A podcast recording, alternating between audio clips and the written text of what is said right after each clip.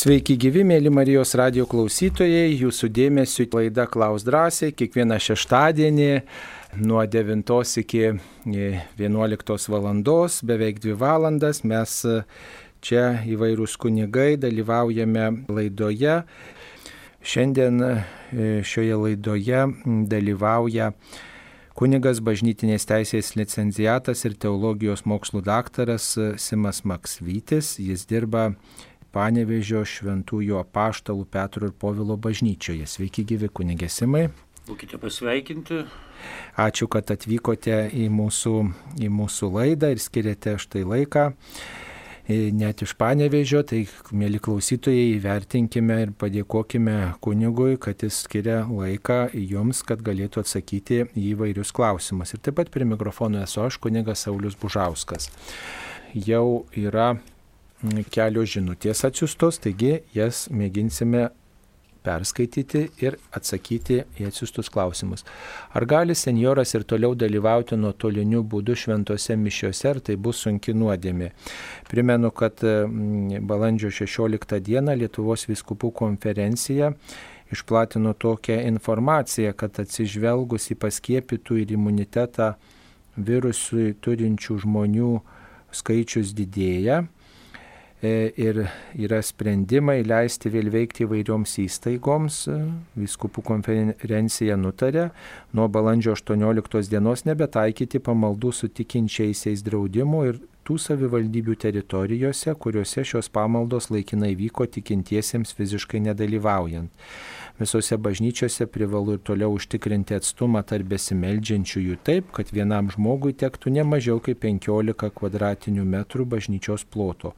Tikintieji privalo ir toliau dėvėti apsauginės kaukės, dezinfekuoti rankas ir laikytis kitų saugumo reikalavimų. Savo viskupijose ordinarai gali nustatyti ir papildomus reikalavimus. Taigi tokia yra Lietuvos viskupų konferencijos informacija, o jeigu senjoras mm, štai nutarė dalyvauti nuotoliniu būdu, na, e, reikia turbūt apsvarstyti dėl kokių priežasčių, jeigu tik tai dėl šitų priežasčių tai yra viena, bet galbūt reikia labai stebėti, kad už to nepasislėptų tinginystė, toks pripratimas, ai man tai patogiau sėdėti prie, prie televizoriaus, prie radio imtuvo, klausytis ir, ir tiesiog galbūt na, labai reikia ištirti, kokie yra motyvai. Ar tikrai na, tas senjoras dėl, dėl, dėl baimės, jeigu jis paskiepytas, tai tos baimės kaip ir neturėtų būti.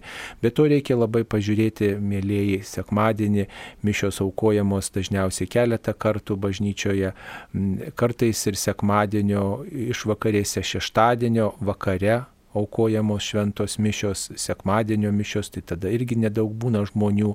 Ir tiesiog nu, stengtis, kaip padaryti, stengtis turbūt reikia, kad dalyvautume gyvai šventose mišiuose. Kunigė, pridėkite dar. Būtent e, pridedant prie to, kas paminėta, kad e, tas laikotarpis gali tokį dalyką paskatinti į įsipatoginimą, į tokį, e, reiškia, nuotolinį ir tolimesnį šventimą ir kai kas gali sakyti, va vienu metu buvo galima, galiojo tos šventosios mišios, o dabar argi ir toliau gali nebegalioti, juk patogu ir net kai kas uh, pasiima įrašus šventų mišių, sako, aš galiu prasukti ir nuobodų pamokslą, ar dar kažką, išklausau greičiau mišės ir panašiai. Tai net aišku ir tokių yra grėsmių ir pavojų, bet vis dėlto e,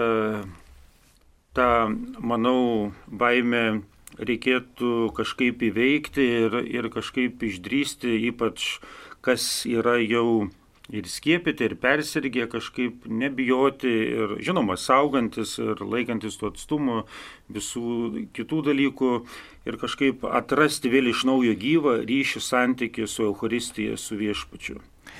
E, beje, dar ir toks klausimas yra e, šventosios mišios iš įrašo ar atstoja dalyvavimą tiesiogiai.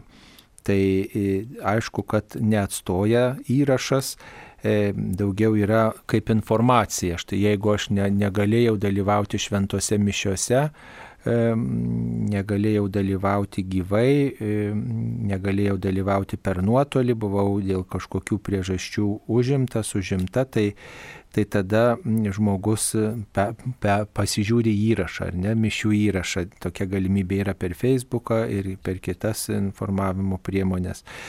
Bet tai gal gerai, kad žmogus susi, susidomi, paklauso, peržiūri, bet tai nėra tas pats, kas gyvas dalyvavimas, taip atsakytume. Dabar e, mums paskambino.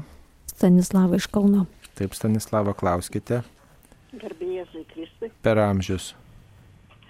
E, Marijos radijas yra katalikiškas, vienintelis, vienintelis radijas Lietuvoje katalikiškas.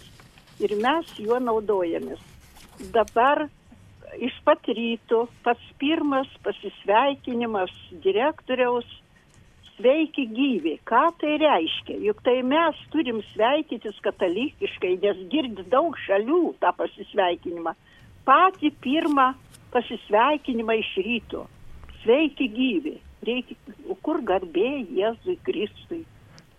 Mes šitų labai pasigendame ir labai dažnai tas sveiki gyvi, sveiki gyvi mums nepriimtina katalikams šitas sveikinimas. Jisai niek, nėra blogo, bet mes norim girdėti katalikišką pasisveikinimą. Ačiū Jums labai. Ačiū, ačiū, ačiū, mėloji, ačiū. Tai labai džiugu, kad nieko blogo tame nėra.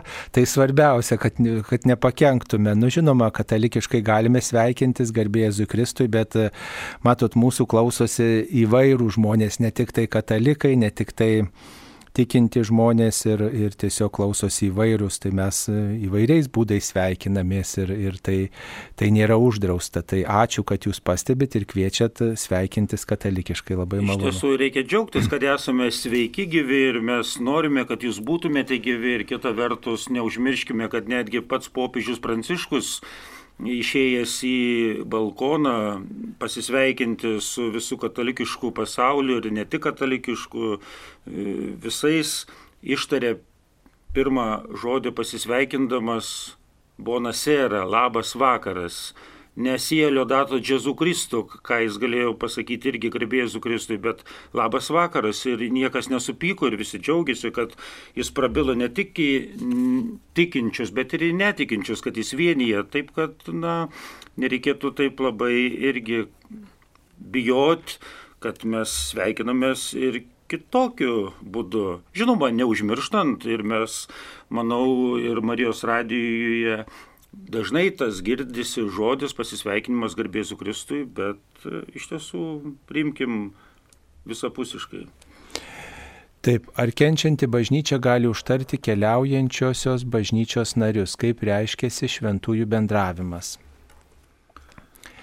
Kenčianti bažnyčia, tai ta, kuri yra skaistykloje, triumfuojanti bažnyčia, tai ta, kuri danguje keliaujanti bažnyčia, tai esame mes visi.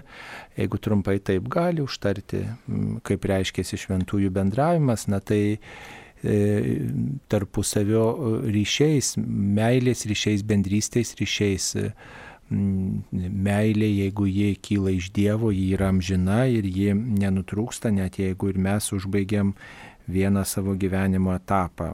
Tai, kas amžina, negali nutrūkti. Ir jeigu mes ieškom tiesos, stengiamės mylėti, atleisti, stengiamės būti gailestingi, tai e, tos pastangos, e, tie vaisiai, jie, jie keliauja, jie palydė mus e, ir anapus. Daugybė šventųjų yra sakę, kad aš danguje būdamas daugiau padėsiu, ne tik tai išklausysiu, vat, kurie mane pasiekia čia žemėje prašymai, bet kaip žodžiu pasiekia, vat, girdžiu, susitinku, labai nedaug tų prašymų, bet galėsiu daug daugiau jums padėti. Tai čia ir šventoji Teresėlė, ir palaimintasis Teofilius Matuljonis ir netgi, netgi Motiejus Valančius, dar nepaskelbtas šventuoju, tačiau žinomas, pažįstamas yra pasakęs tokius žodžius. Iš tiesų, tas santykis ryšys be bejonės pasilieka ir tarp triumfuojančios, ir tarp kenčiančios bažnyčios, sukeliaujančioje bažnyčioje. Ir mūsų, sakyčiau, tai ir įkvėpia ir stiprina, kad mes iš tiesų nesame vieni, vieniši, bet kad tikrai tas iš tiesų yra šventųjų bendravimas, ką bažnyčia išpažįsta ir tiki. Ir tikrai tas toks žinojimas, kad mes kažkur neišnykstame po mirties, bet kad ten mūsų broliai seseris yra amžinybėje Dievo rankose, Dievo gailestingose rankose ir kad jie mus tikrai lydi ir žvelgia ir mūsų užtarė ir žinoma mes taip pat juos prisimenam, užtariam ir tai yra tas nuostabus visuotinis šventųjų bendravimas. Taip, kodėl kunigai nenori melstis už žmonės, paprašius trumpos maldos už sveikatą? Na tai reikia klausti to, kuris nenori melstis, turbūt e, kiekvienas konkretus atvejis yra, yra kitoks atvejis. Galbūt kunigas skuba, galbūt e, dar kitos priežastys. Na ir dar vienas dalykas, kad matot, sveikata nėra tikinčiam žmogui pats svarbiausias dalykas. Mums svarbiausias dalykas yra būti be nuodėmės ir pasiruošti amžinajam gyvenimui. Pasiruošti, kad visas šitas gyvenimas padėtų mums pasiruošti amžinajam gyvenimui dangaus karalystėje.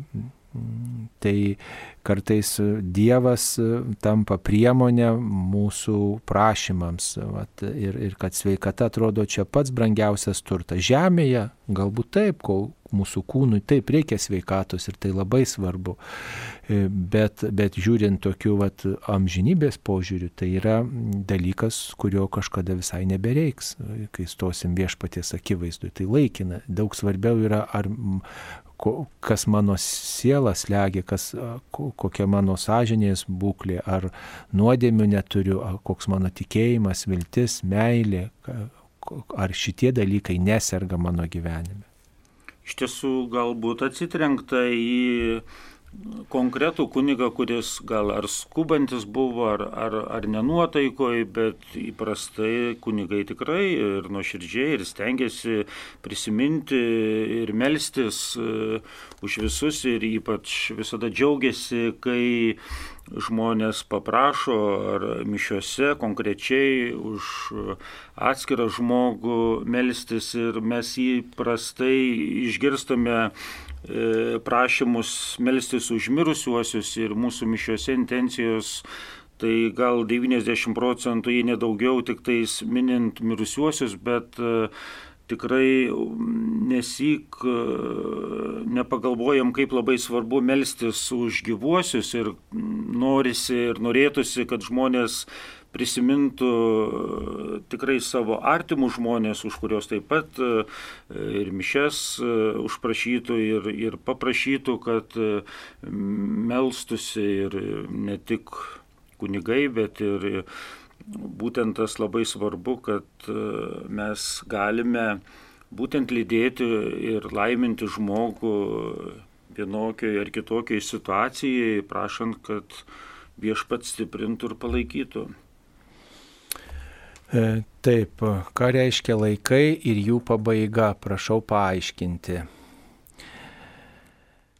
Na tai laikai ir jų pabaiga tai reiškia, kad mes gyvename tokiu laiku, kuris yra laikinas ir kartu mes galime dalyvauti tokiame laike, kuris yra amžinas. E, kai buvo šventinama per Velykas Velykų žvakė, yra ten toks tekstas, kiek prisimenu, jo laikai ir amžiai. E, toks, toks sakinys buvo ir kunigas tardamas tuos žodžius ženklina e, laiko ženklus, šio laikmečio ženklus, kurie yra pažymėti ant paschalo Velykų žvakės. Tai reiškia, kad na, Dievui priklauso šitas laikas, jo yra dovanota ši, ši, šitie metai, šitas laikmetis, kuriame gyvename na va, gali būti vartojama daugiskaita, šis laikas, laikai, tai turima galvoj, kad ne tik tai šitas mūsų gyvenamas laikotarpis, bet apskritai visų kartų laikotarpiai ir jie, jie kažkada baigsis, nebus taip, kad čia gyvens, gyvens, gyvens kartus, pasaulis yra trapus, mes patys tą, tą matom, žinom, kad dyla viskas, net akmuo ir tas, žiūrėkit, po kiek metų jisai, jisai suaižėja ten nuo, nuo drėgmės, nuo, nuo vėjų, nuo, nuo visko. Tai viskas yra trapu, tai kažkada bus tas dalykas įsipildys, kad nebebus tų laikų, kurį dabar skaičiuojame. Iš tiesų, tą laiką, ką mes turime mintyje, apibrėžti galime graikiškų žodžių chronos, e, kuris yra apskaičiuojamas, kuris turi e, testinumą, bet yra ir kitas toks graikiškas žodis kairos, kuris neturi nei pradžios, nei pabaigos. Ir mes iš tiesų tikime, kad viešpatyje gyvensime būtent tokį laiką, bet kol kas mes esame tie, kurie turime, turime tokį pasaulį, kuris žymi mūsų kažkokią pradžią, kažkokią pabaigą, bet žinome, kad viskas amžinybėje jau įgyja kitokį lygmenį, kitokį suvokimą ir supratimą, todėl mes keliaudami šiame chronos laike tikime, kad pasieksime tą nesibaigiantį kairos laiką. Taip, dar vienas e, klausimas, likęs iš praeitos laidos apie Kristaus kunigo ir aukos litaniją. Tokia litanija yra ir ji aplorobuota bažnytinės vyresnybės.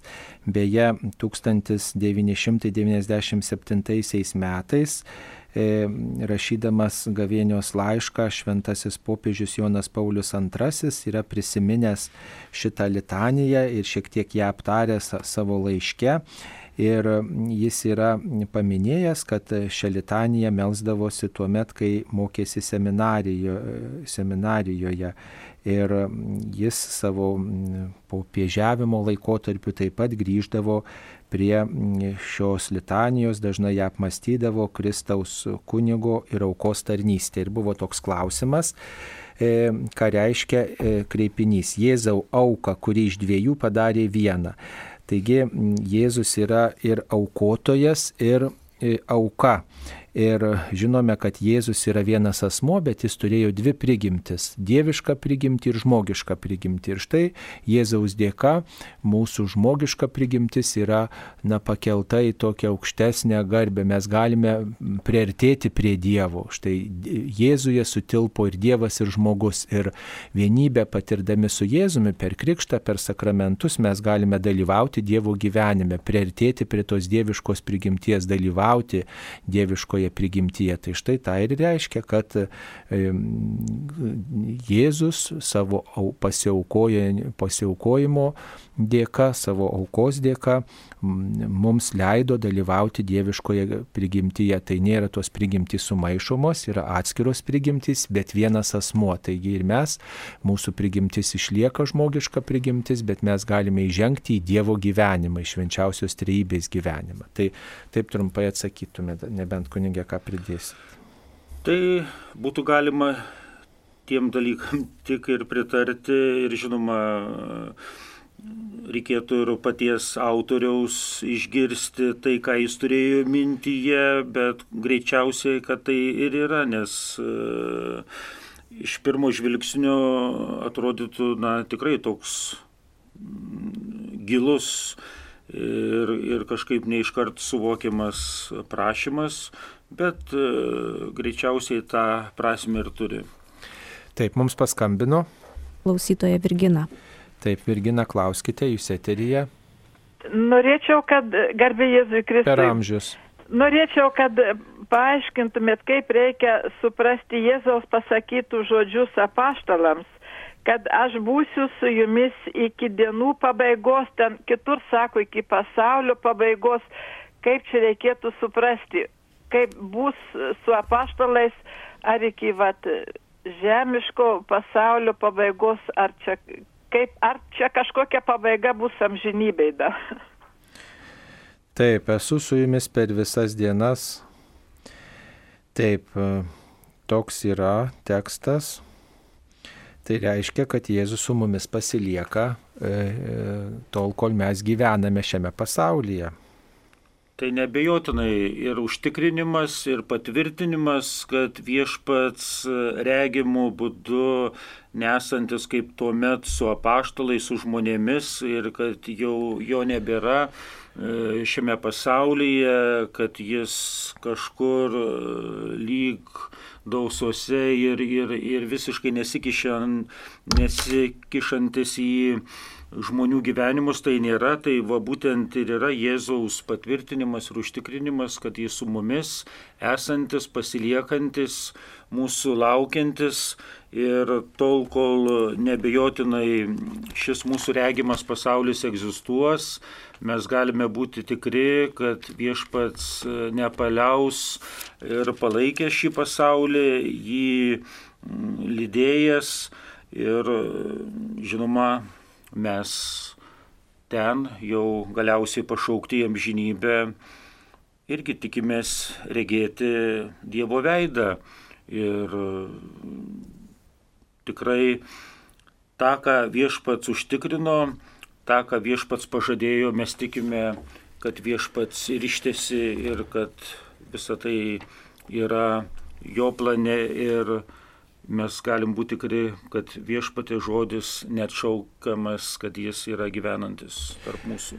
Taip, šitas tekstas, štai esu su jumis per visas dienas iki pasaulio pabaigos, tai yra paskutinis Mato Evangelijos e, sakinys, Evangelija pagal Mato 28 skyrius, 20 eilutė. Ir taip už, užbaigiama Mato Evangelija, tai tas reiškia, kad viešpats surado būdą, kaip pasilikti su mumis. Jisai siunčia šventąją dvasę e, kaip dovana nuo tėvo ir sunaus, kuri leidžia patirti Dievo artumą tol, kol šis pasaulis egzistuos, o kai e, jau bus mūsų pabaiga arba pasaulio pabaiga, tai mes tosim viešpaties akivaizdu. Kitų būdų mes viešpaties artumą patirsim. Tai va taip galima trumpai apie tai pasakyti. Taip, dabar nuomonė, kokia jūsų nuomonė apie Marijos pranešimus Italijai, Žizelai, Kardai. Nieko apie tai nežinom, nieko negalim pasakyti. Reikia turėti konkretesnės informacijos. Taip. E, taip, dabar. E, seriale išrinktieji Marija Magdalietė visur būna ir keliauja kartu su Jėzumi ir mokiniais. Ar tai tik režisieriaus sprendimas, ar tai tikri faktai, kad jie nuolat būdavo kartu? Iš tiesų labai, labai geras serialas, filmas, Chosen, išrinktieji. Ir kaip žinia dabar jau prasidėjęs antrasis sezonas šio serialo.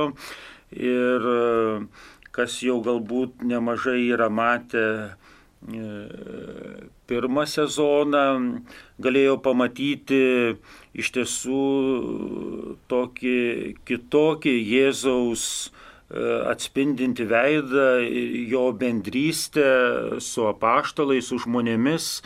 Ir sakyčiau, vienas iš tokių filmų apie Jėzaus gyvenimą nebanalių, gyvų, patraukiančius ir, ir kažkaip e, kviečiančių labiau pažinti e, Bibliją, Evangelijas.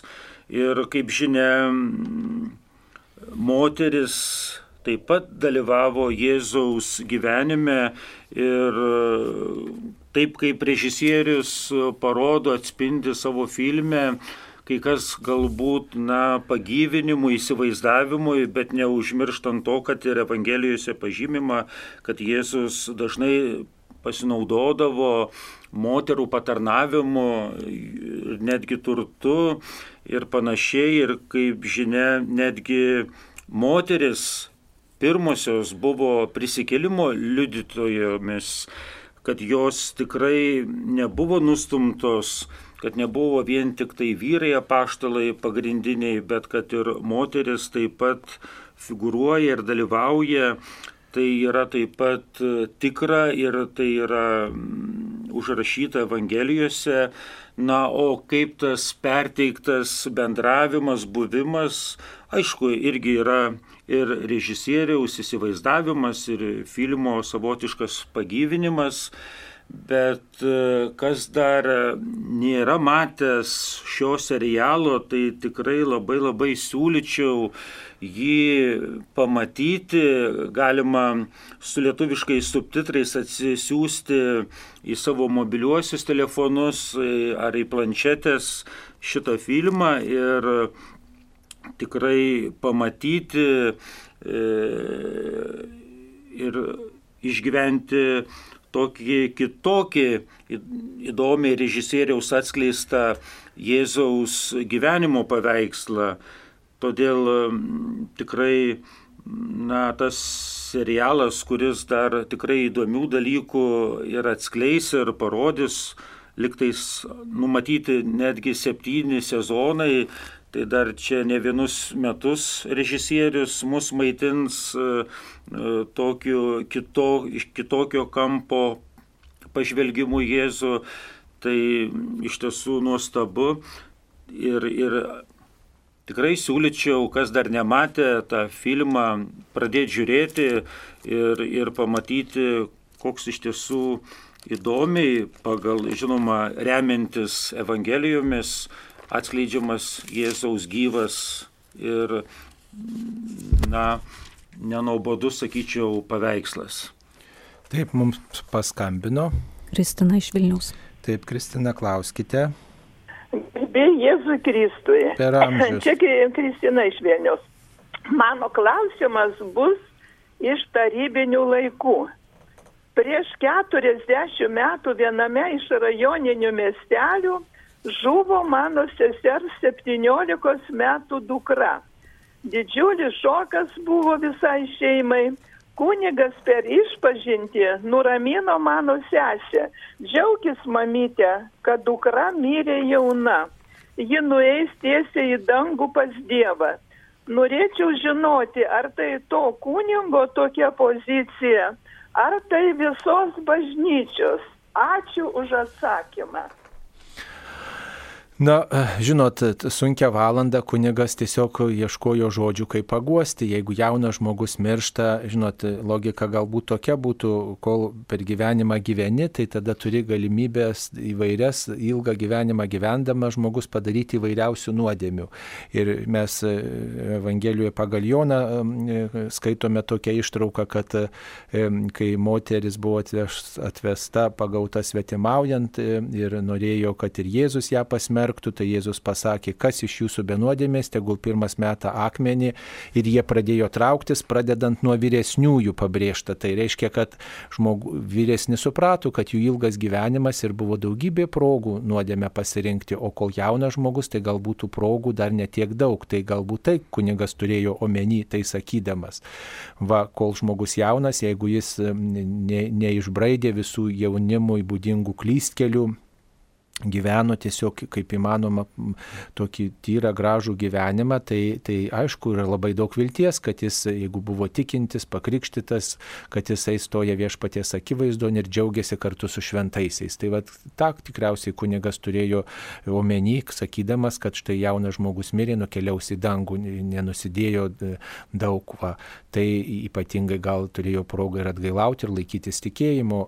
Tai va tas toks ženklas ir yra mums, kad vis dėlto bet kada ta mirtis gali ištikti, reikia visada būti pasiruošus. Tai nėra taip, kad jaunas miršta automatiškai jau čia ir dangui, bet, bet yra ta tokia nu, viltis, tokia pagoda, kad štai vat, galbūt žmogus nu, nukeliaus pas viešpatį ir mes melžiamės, kad nukeliautų. Dėl to ir prašom Dievo gailestingumo ir solidarumą, meilę parodom šeimai ir, ir malda palydėm šeimą ir tą žmogų iškeliavusi.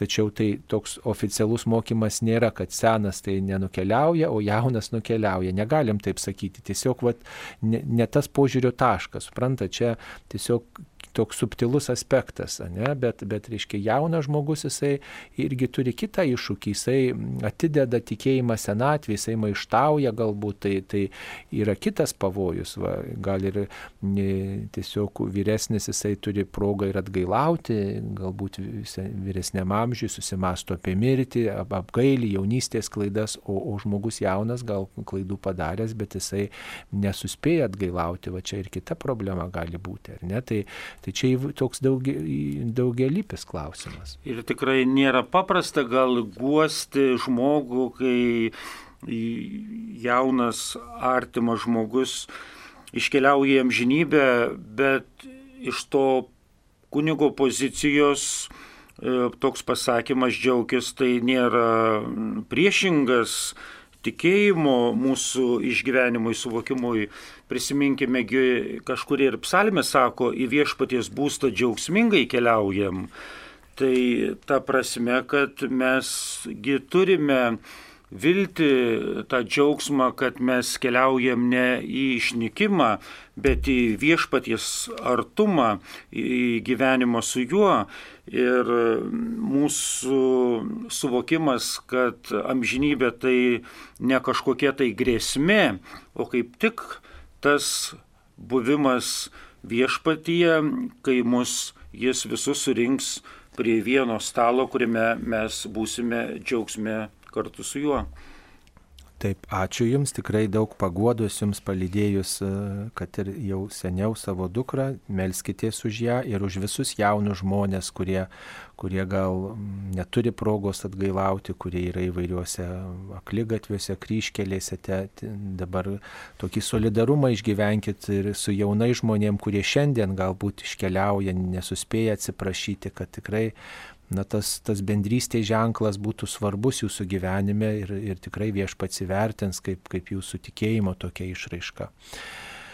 E, šventajame rašte nekarta minimos valdžios ir galybės. Pavyzdžiui, Petro laiškė Jėzus sėdi Dievo dešinėje, o jam pavaldus angelai valdžios ir galybės. Čia mūsų klausytojai cituoja e, e, pirmo Petro laiško trečiojo skyriaus 22 eilutę. E, ir ką tai reiškia, tos valdžios ir galybės, tai reiškia, kad dangus, Dievo karalystė turi tam tikrą tvarką, nėra chaosas tenai, yra, yra tam tikra vis tiek Dievo tvarka, žinom, kad yra angelai, yra arkangelai, yra, yra šventieji, yra viešpats, tai žodžiu yra tam tikra dangaus tvarka, e, hierarchija, sakytume. E, ir, ir Jėzui visa tai yra palengta. Jėzui kaip Dievo sūnui, kuriam visa e, viešpats Dievas, tėvas, kuriejas atidavė į jo rankas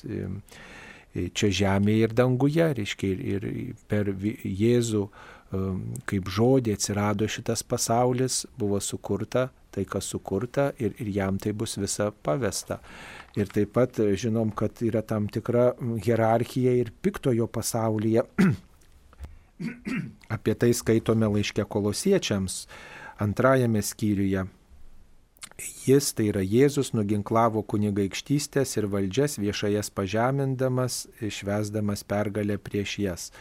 Tai, mm, na, dangus ir, ir pragaras tai yra tikrovės, ne šiaip savo pasakos, bet tai yra realios tikrovės, kuris, kurios turi tam tikrą kryptį, tam tikrą mm, tikslą ir, ir mes, žodžiu, su tuo esam supažindinami, kad mm, tas pragaro piktumas nori iškiliausią Dievo kūrinį žmogų kažkaip atitraukti nuo Dievo įvairiausiais būdais per nuodėmę, per atmetimą ir e, kitas dalykas tai yra dangus, kur yra irgi tam tikra kryptis žmogaus išaukštinimas, pagerbimas žmogaus ir, ir Jėzus tą labiausiai padarė per savo mirtį ir prisikėlimą.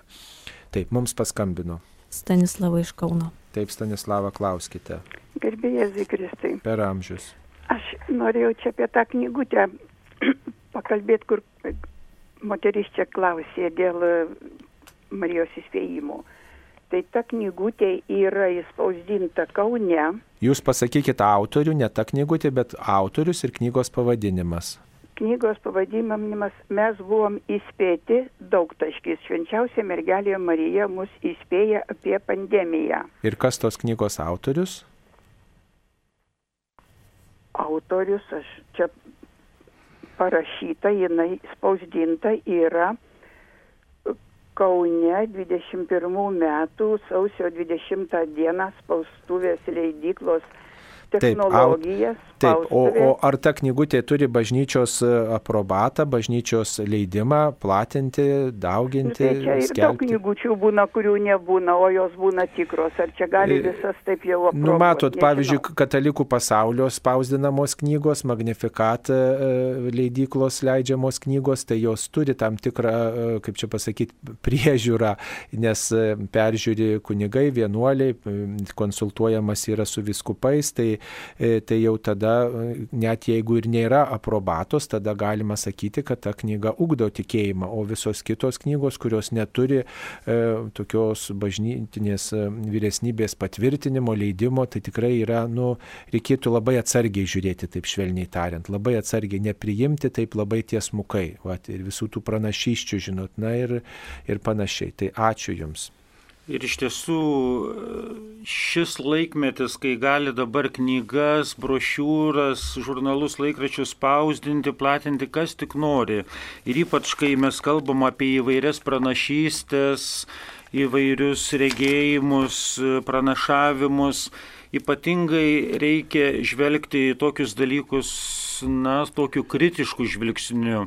Kas iš kur, koks šaltinis, kas tai platina, iš kur tai yra ir, ir žinot, įprasta, kad žmogaus klausa atkreipia dėmesį į vairias pranašystės, į vairius dalykus, e, kalbančius apie ateitį ir atrodo, va, jau parašė ir va, gal čia tikrai kažkas tikra, kažkas tokio ypatingo. Bet, na, žinot, žmogus jau toks yra, kad jis nori praskleisti ateities šydą, jam įdomu, kas toliau bus, bet dažniausiai tokie parašymai tai būna, na, tiesiog žmogaus, kuris nori kažką tokio kitokio, unikalaus sukurti. Todėl na, labai būkime atsargus, vartydami ir skaitydami, platindami tokias knygutes, mes turime daug tikrai gražios literatūros, kuri mus maitina, kuri mus stiprina, o dažniausiai mes pasiduodam, na, tokiems leidiniams, kurie neaišku iš kur atėję, neaišku koks autorius, neaišku kas leido, kas visą tą platina. Todėl, na, būkime atsargus, būkime kažkaip e, žvelgiantis, kas į mūsų rankas papuola ir neprimkime to e, už tai, kad jau atspausdinta, parašyta ir tai jau gali savaime būti tiesa. Tikrai tai nėra. Taip, iki kokio amžiaus jaunuoliai priimami mokytis į kunigų seminariją. 18 mečiai dar neapsisprendę. Na tai čia yra tam tikra e, vis dėlto komisija, kuri nusprendžia, tai yra seminarijos vadovybė, tai yra e, e, vyskupo patvirtintas sąrašas, ten dalyvauja ir psichologai tikintis, kurie štai na, sprendžia kiekvieno kandidato tinkamumą. Ar jisai apsisprendęs ar neapsisprendęs, taip, yra ta tokia tendencija, kad žmonės e, dabar pasirenka būdami vyresnio amžiaus, e, ne 18 metų, yra tam tikrų privalumų, kai žmogus jau apsisprendžia būdamas 18 metų ir yra tam tikrų privalumų, kai žmogus apsisprendžia šiam keliui būdamas jau šiek tiek vyresnio amžiaus, pažinęs gyvenimą ir taip. Tai čia mm, kiekvienu atveju turbūt yra atskirai ir apie tai sprendžia seminarijos vadovybė. Yra e, žmonių, kurie įstoja į seminariją ir būdami 40 metų yra buvę net ir vyresnių, kiek, kiek, kiek, kiek žinau, tai tokio amžiaus cenzo e, griežtąją prasme nėra, kad jau va tiek metų, tai ne, bet e, turbūt visi aiškina priežastis, kodėl anksčiau nestojo tas žmogus, panašiai, e, leidžia pabandyti, paskui e, štai žiūri, kokie tie vaisiai žmogaus, kiek jisai pasiduoda formacijai. Na, problema turbūt ta, kad vy- vyresnis žmogus sunkiau pasiduoda štai tokiam ugdymui, ne tvarkos ugdymui, disciplinos ugdymui ir, ir įgūdžiai mokytis jau vyresniam amžiui netokie mm, aktyvūs, netokie, netokie e, geri, kaip, kaip norėtųsi, ne jaunas žmogus jisai lengviau priima informaciją ir, ir, ir, ir susipažįsta su bažnyčios mokymu ir panašiai. Mm, Tai taip trumpai. Kunigė nebent ką pridėsite dar.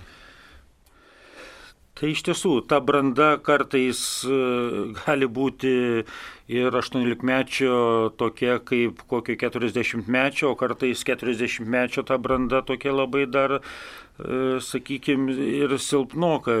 Labai priklauso nuo to, kokiuose sąlygose e, žmogus brendęs, augęs, kokius turėjo savo mokytojus, formuotojus. Taip kad kartais irgi tas amžius nu, ne viską dar gali pasakyti. Na čia dar turbūt replika į pasisveikinimą.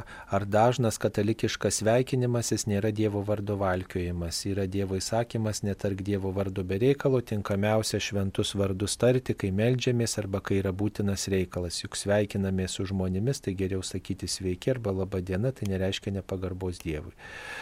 Taip, kartais mes iš tiesų pasakom Dievo vardą ir, ir pasisveikinam be jokios pagarbos. Tai čia tam tikrai galime pritarti. Kaip elgtis, kai vyresnio amžiaus kunigas atsisako dalinti komuniją į rankas, nedezinfekuoja rankų, į pastabas nereaguoja. Nu, kaip elgtis, tai mm, turbūt kalbėkitės su to parapijos klebonu, jeigu tai ir yra klebonas, tai galbūt su dekanu kalbėkitės. Na, tiesiog bandykite vis dėlto, kad kunigas kunigu, su kunigu kalbėtis, jeigu įmanoma, kad tą darytų įvairių žmonės, tai tada kunigas galbūt ir susimastys. Na, va, matom, kad vyresnio amžiaus žmogų netaip lengva e, ir tą galiojančią tvarką priimti. E, karantinas užgožė reikšmingą sukakti. Balandžio 13 dieną sukako 150 metų palaimintajam arkivyskupui Jurgiui Matulaičiui. Sukaktis liko kaip ir nepaminėta. Gal kažkas bus principų geriau vėliau negu niekada. Mėlo, mėlyjei klausytojai, jūs giliai, giliai klystate, užduodami tokį klausimą ir nesiklausot Marijos radijo. Marijos radijas bent tris dienas skyrė laidų palaimintajam arkivyskupui Jurgiui Matulaičiui pagerbti. Tai balandžio 12, balandžio 13 13 ir balandžio 14 buvo bent kelios laidos skirtos e, paminėti e, šį vyskupą ir su juo susijusius aspektus. Be to, Balandžio 12 buvo aukojamos šventosios mišios iš palaimintojo Jurgio Matulaičio e, relikvijų saugojimo vietos iš Švento Mykolo Arkangelo bazilikos Marijampolėje, o balandžio 13 dieną buvo aukojamos mišios iš Šiluvos ir Šiluvoje arkivyskupas Kestutis Kievalas kaip tik tai šitai ir prisiminė, e, kaip mes dar galėtume e, pagerbti palaimintą arkivyskupą Jurgį Matulaitį. Taigi pagerbėm šiek tiek, aišku, niekada nebus per daug, bet netaip lengva ir surasti tų žmonių, kurie galėtų, taip sakant, išmintingai kalbėti. Žinot, tai vad kviečiam, jeigu jūs turit kažkokių pasidalinimų, kažkokių minčių, kurie dar nebūtų nuskambėję ar kažkaip kitaip pažvelgti į šį palaimintojį, mielai kviečiam atsiliepti, pasikalbėsim, galbūt padarysim originalią laidą, maloniai kviečiam bendradarbiauti. Mums paskambino. Marius iš Šiaulių. Mariau, klauskite. Garbėzai Kristai. Per amžius. Čia tokio klausimo noriu paklausti. Čia kai mišios vyksta, kai kalbama malda tėvė mūsų dauguma žmonių iškelia rankas, kiti neiškelia, kiti laiko nuleidę. O kaip iš tikrųjų reikėtų daryti? O iš tikrųjų nėra jokio įpareigojimo iškelti tas rankas ir anksčiau, e, sakykime, prieš kokį 30 metų ir daugiau toks rankų iškelimas būtų buvę bažnyčioje tarsi kunigo imitavimas ir tai būtų kaip nederamas ženklas. Dabar toks dalykas, sakykime, maldos įvairios formos ir toks žmogaus maldos savotiškas išlaisvėjimas ir žmogus kartais keldamas Dievui širdį nori ir pakelti rankas, O kad e, per tėvę mūsų mišiuose jis būtinai turėtų kelti rankas ar kad net susikabinti, kaip, kaip kitose mišiuose netgi ir taip būdavo pasitaikydavo, tai tikrai jokio, jokios prievolės nėra.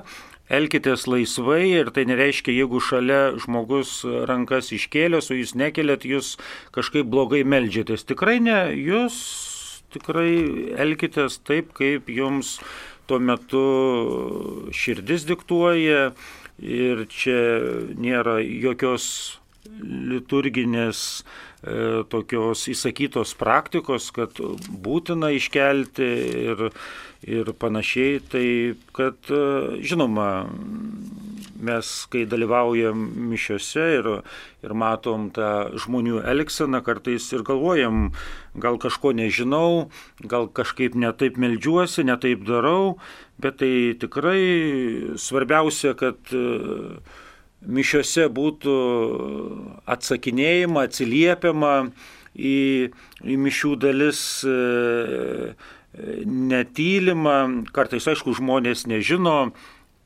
kaip reikia elgtis, kokius atsakymus atsakinėti, ištarti mišių metu, bet e, tas rankų kelimas tai nėra privalomas, nėra įsakytas, taip kad būkite laisvas ir, ir, ir, ir dėl to nesigrauškit ir negalvokit, kad blogai melžiatės. Taip, dabar dar viena žinutė. Ar bus per Marijos radijo pristatomos naujos katalikų pasaulio ir magnifikat leidiklų išleistos knygos pasilgome? Tai džiugu, kad pasilgot katalikiškų leidinių, tačiau reikia pasakyti, kad karantinas, pandemija tikriausiai pristabdė ir leidiklų veiklą, ir, ir, ir e, tos knygos ir knygynų veiklą apribota. Tai ir, ir, ir su tuo pristatymu netai paprasta. E, jeigu atsiras e, naujų knygų ir atsiras naujų e, žmonių, kurie štai sutiktų tas knygas pristatinėti, nes tie, kurie anksčiau pristatinėdavo dėl įvairių asmeninių priežasčių, yra sutrukdyti ar užimti ar panašiai, ar neturi laiko, Tai e, tiesiog jeigu bus knygų, bus pristatančių jas žmonių įdomiai, kalbančių maloniai, visada prašom, laukiam ir tikrai pasistengsime supažindinti jūs, mėly Marijos radio klausytojai, su katalikiškų leidiklų knygomis. Taip, dabar Jeigu žuvusi mergina mirė, turėdama nors vieną nuodėmę, tai eisi pragarą oficialiai juk taip jeigu, e, matot, mes nežinom, ar eis ar neis į pragarą, jeigu uh, žmogus mirė turėdamas nuodėmę, bet uh, šitai žino tik Dievas ir tas žmogus. Va. Mes net jeigu ir žinom, kad žmogus turėjo nuodėmę, nežinom, ar jis gailėjosi ar ne, tai mes niekada negalim pasakyti, kad žmogus eis į pragarą. Šitas jau eis į pragarą. Mes tikim, trokštam ir linkim, kad tas žmogus nukeliautų į dangų. Dėl to melžiamės už visus mirusius žmonės, e, ypač jeigu to pageidauja jų artimieji. E, ir apskritai bažnyčia kiekvienose mišiose prisimena mirusiuosius iškeliaujančius, nes visiems trokšta dangaus ir tai yra artimo meilės ženklas. E, matot, yra tas momentas, kai žmogus miršta, bet galbūt jisai prieš susitikdamas viešpatie prauda savo gyvenimą, apgailį, mes nežinom, tas momentas gali būti. Ir daugybė yra liūdėjimų, kad štai žmogus prieš, prieš iškeliaudamas, paskui atsigavęs, jisai, reiškia, va, tą gailestį, apie tą gailestį pasakoja. Tai Tai dėl to bažnyčia ir nesako, kad tas ar tas pragarė yra.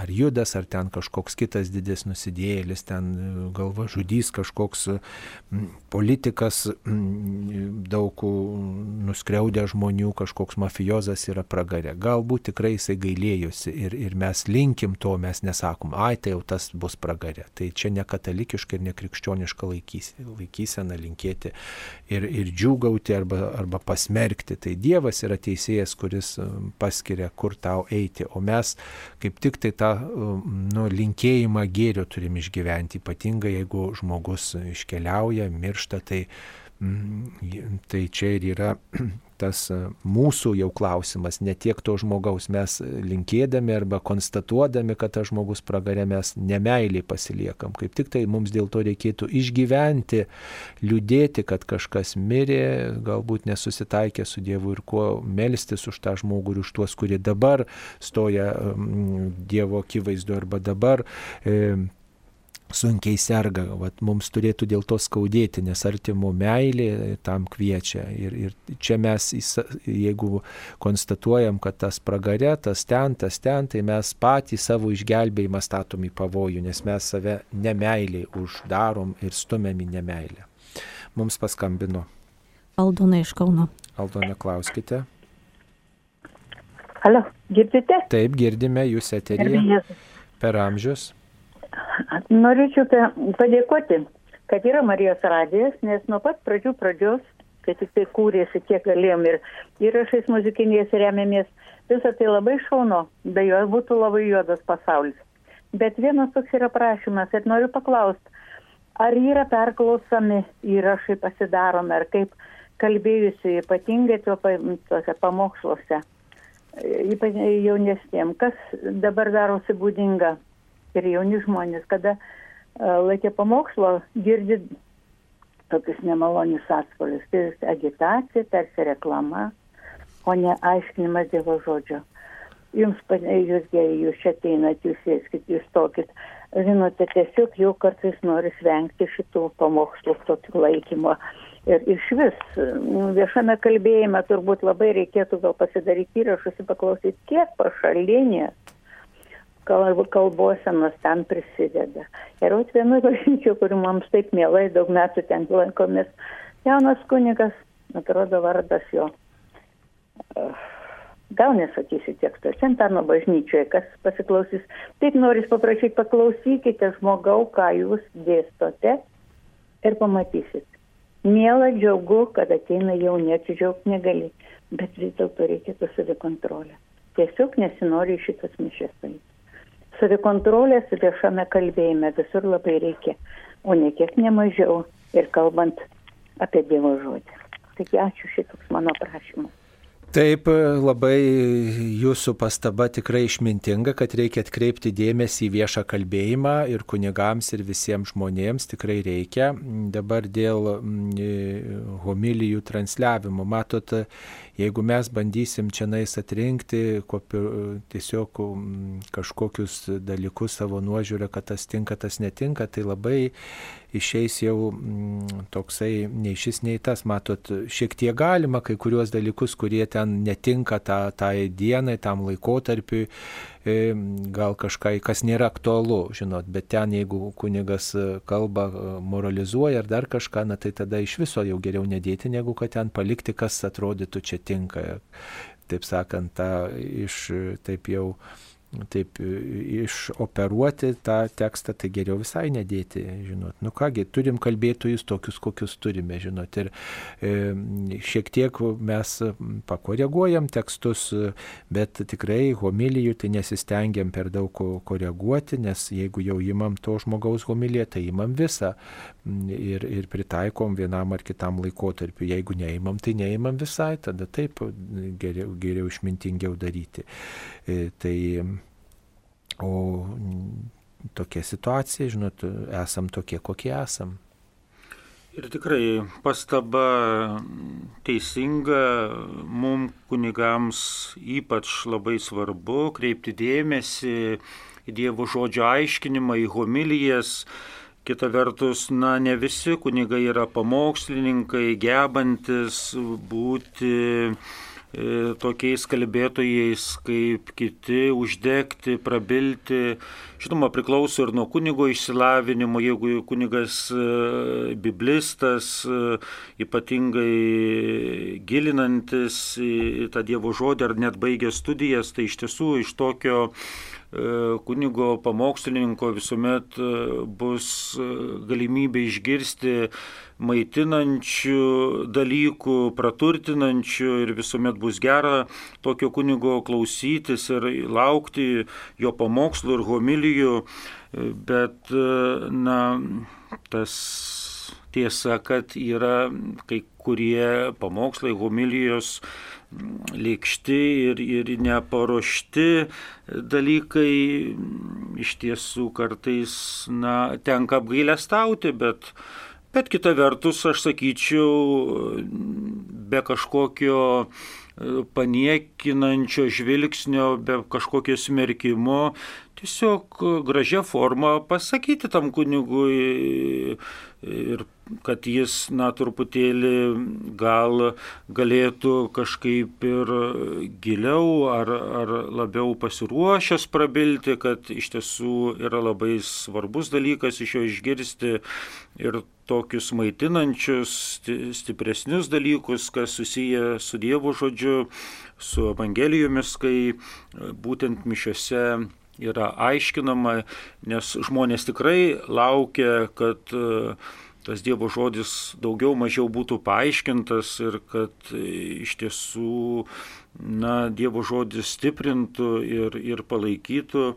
Todėl kažkaip, na, nebijokim ir kalbėti su kunigais ir kažkaip ar parašyti jam žinutę, ar tiesiog, na, patrauklę, neįžeidžia formą jam pasakyti, kad mums rūpi, ką jis kalba ir būtų, kad smagu, kad jis tikrai didesnį galbūt žvilgsnį dėmesį tai kreiptų. Tai aš manyčiau, tas irgi prisidėtų prie kunigo augimo. Taip, dabar dar viena žinutė, apie kokį filmą kalbėjote. Va, čia parašom pakartoti filmo Kas dar neišgirdo, yra filmas, e, tiesiog jis vadinasi serialas, angliškai The Chosen, kas reiškia išvertus lietuvių kalbą išrinktieji. Tai būtent yra tokia e, programėlė, kai mes galim atsisiųsti savo mobiliuosius telefonus ar planšetės e, ir ten tada galime matyti tą filmą ir su lietuviškais subtitrais. Įvedus tą žodį Chosen arba išrinktieji internetu į kompiuterį per YouTube kanalą galime taip pat matyti, bet ten bus tik tais angliškas tekstas, bet žinoma, kam galimybė tik suprasti labiau lietuviškai, tai nesunku atsisiųsti tą programėlę.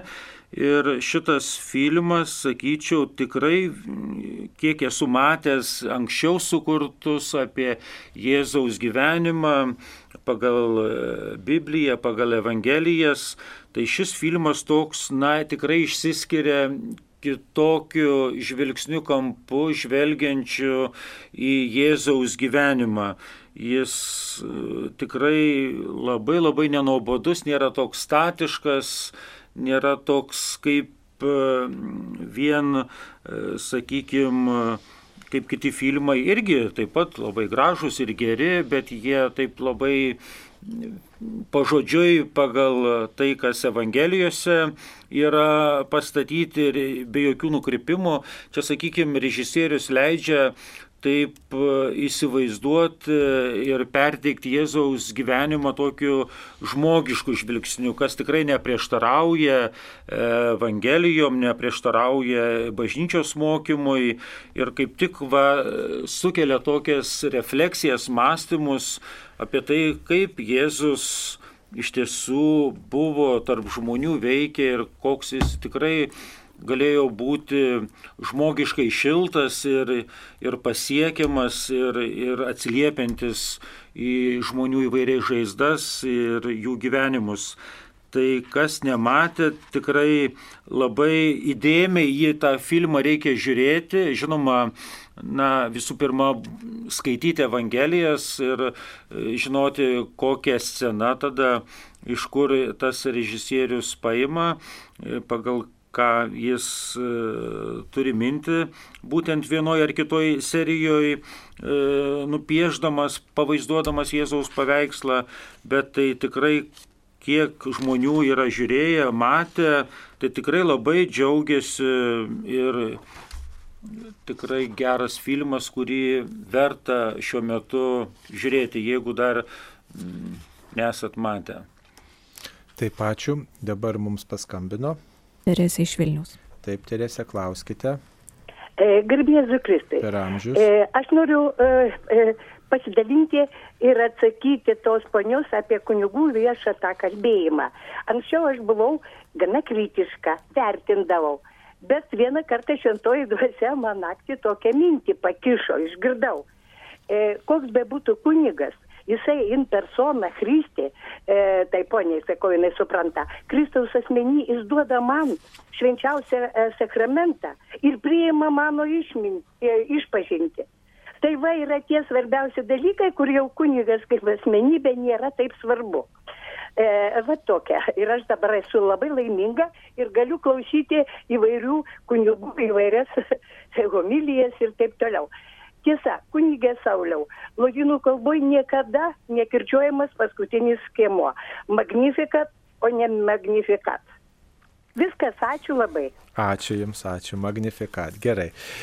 E, yra žmonių, kurie atsakydami į viešpat su jumis irgi kartoja kunigo rankų mostą, juk taip e, negalima daryti. Negalima atkartoti, nėra reikalo tiesiog atkartoti kunigo daromų judesių. E, tiesiog kunigas meldžiasi ir, ir išreiškia visos bendruomenės laikyseną kartais vaikai tą daro, suaugusiems žmonėms turbūt to, to nereikėtų daryti. Nėra tas negalima, tai čia nieks ne, galima, bet nėra reikalo, nu, ne, ne, nėra numatyta liturgijoje to, to daryti, tiesiog nėra reikalo. Tiesiog geriau gėdoti, geriau kartu klauptis, kartu stoti su visais žmonėmis yra tokia numatyta laikysena liturginė. Taip, dabar padarysime pertrauką. Taip, mėlyjeji, vėl po pertraukos mes studijoje išgėrėm arbatos ir šioje studijoje šį rytą dalyvauja kunigas Simas Maksvytis iš Šventųjų apaštalų Petro ir Povilo bažnyčios panevežyje ir taip pat aš kunigas Saulis Bužauskas. Bandome atsakyti jūsų atsistus klausimus. Kaip galima paaiškinti Jėzaus žodžius iš tiesų sakau jums pasaulio atgimime, kai žmogaus sunus sėdės savo šlovės sostė, jūs mano sekėjai irgi sėdėsite dvylikoje sostų, teisdami dvylika Izraelio giminių. Čia klausytojas Vygantas m, cituoja Mato Evangelijos 19 skyrių 28 eilutę. E, e, E, tai ką galima pasakyti apie šitą eilutę kunigę?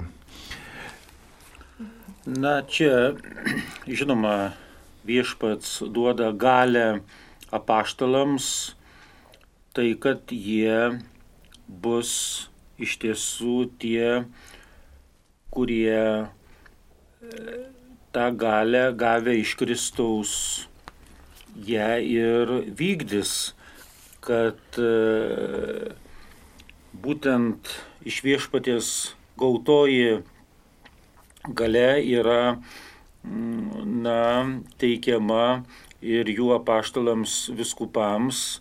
Ir, na, iš tiesų tas sakinys yra gana toks, kaip sakau, biblistų, gal reiktų pasigilinti to žvilgsniu ir, ir tą prasme, gal galėtų visų tokiu autoritetu atsakyti mm, švento rašto tikrai studijuojantis žmogus ir gal kaip biblistas aš jo nepaaiškinsiu, bet tai iš tiesų viešpats kalba apie tai, kad e, jis duoda tą tikrai galę, suteikia būti kartu ir viešpaties buvimo dalininkais ir paveldėtojais.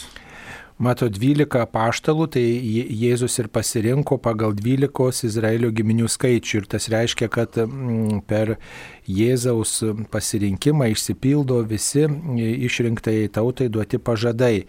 Ir tas reiškia, kad tas Jėzaus atneštas mm, žinios pilnumas yra toks nu, visiškas išpildymas, tai kas buvo žadėta per Izraelio giminės, kad Jėzuje išsipildo visa ta pilnatvė. Ir čia gal turima galvoj ne tik tai tie konkretūs asmenys, 12 paštul, bet visa bažnyčia, kuriai viešpats pavedė galę teisti, įvertinti žmoniją šiam pasauliui ir tiesiog mes visi prieš viešpatį stosime mm, amžinybėje ir mm, tiesiog kiekvienas turėsim atsakyti už tai, kokią misiją viešpats mums pavedė, kaip su ją susidorojome. Mums paskambino. Klausytoja Genovaitė. Taip, Genovaitė, klauskite. Ačiū labai. Gerbiamas kunigas Sauliau. Ar jūs galite išjungti savo radio imtuvą? Ar visai išjungti? Išjungkite ir klauskite. Ar, ar dabar. Ar, ar, Išjungkite ir klauskite, taip. Galiu klausti dabar? Taip. Gerbiamas kunigas Sauliau. Aš labai noriu dėkui, Dievui padėkoti už visus kunigus. Ačiū Dievui už Lietuvos kunigus, už pasaulio kunigus. Ir niekada negalima jų nei smerkti, nei, nei, nei ką blogo sakyti. Dabar noriu paklausti gerbiamo kunigo Sauliaus, kada palangoje druskininkų gatvėje galima bus girdėti Marijos radiją. Labai trokštų, labai laukiu. Taip, supratom, ačiū.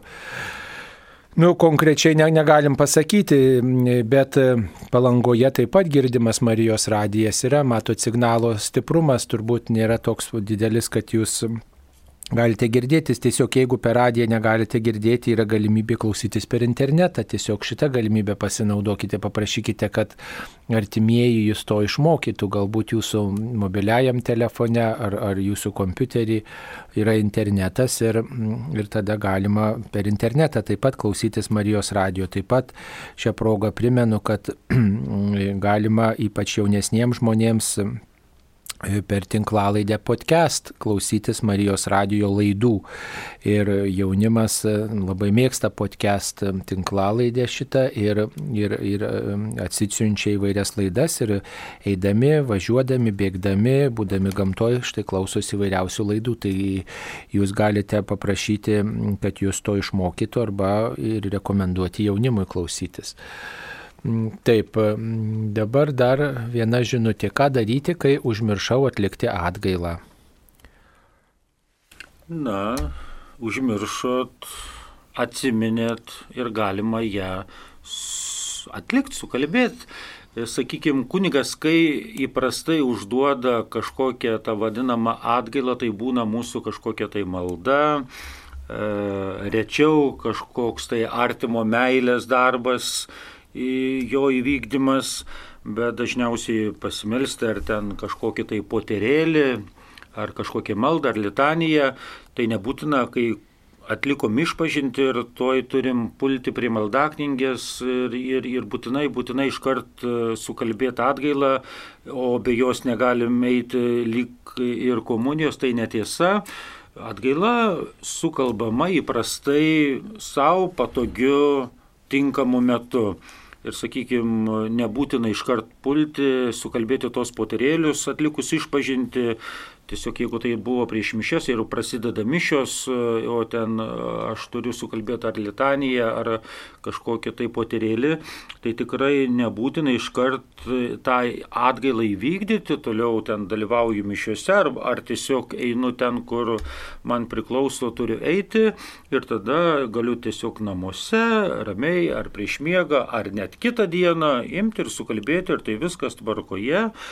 Ir todėl Žinoma, jeigu aš ją neįvykdžiau atgalą, nesukalbėjau ar kažkokį artimo meilės darbą, kas man buvo užduota, tai tada pasakoma kitą kartą einant išpažinti ją kunigui. Taip, kaip suprasti, Magnifikat knygelėse po vidurdienio šventųjų mišių yra skaitimas meditacija. Ką tai reiškia? Na tai reiškia, kad jūs esate kviečiami pamastyti, mm, skaitydami kažkokio mm, bažnyčios tėvo, e, popiežiaus ar, ar kunigo ar, ar kokio šventojo tekstą ir tiesiog, mm, na, galbūt rasite tinkamų minčių ar sąsojų su tos dienos skaitiniais, su tos dienos švente. Tiesiog kvietimas medituoti, mąstyti protu, jausmais, išgyventi vieną ar kitą tikėjimo tiesą. prisikėlimo mišiuose buvo melžiamasi už įvardintus mirusius, prašau paaiškinti, nes dauguma net suglumom tokią linksmą dieną, po to amžiną atilsi gėdojom. Na tai aiškinkite su tos parapijos kunigu. E, tiesiog negalime pakomentuoti. Na, taip. E, Tai prieš Velykas e, čia klausimas, mokėte atgailos sakramento pagrindų, kur galima rasti pasiskaityti.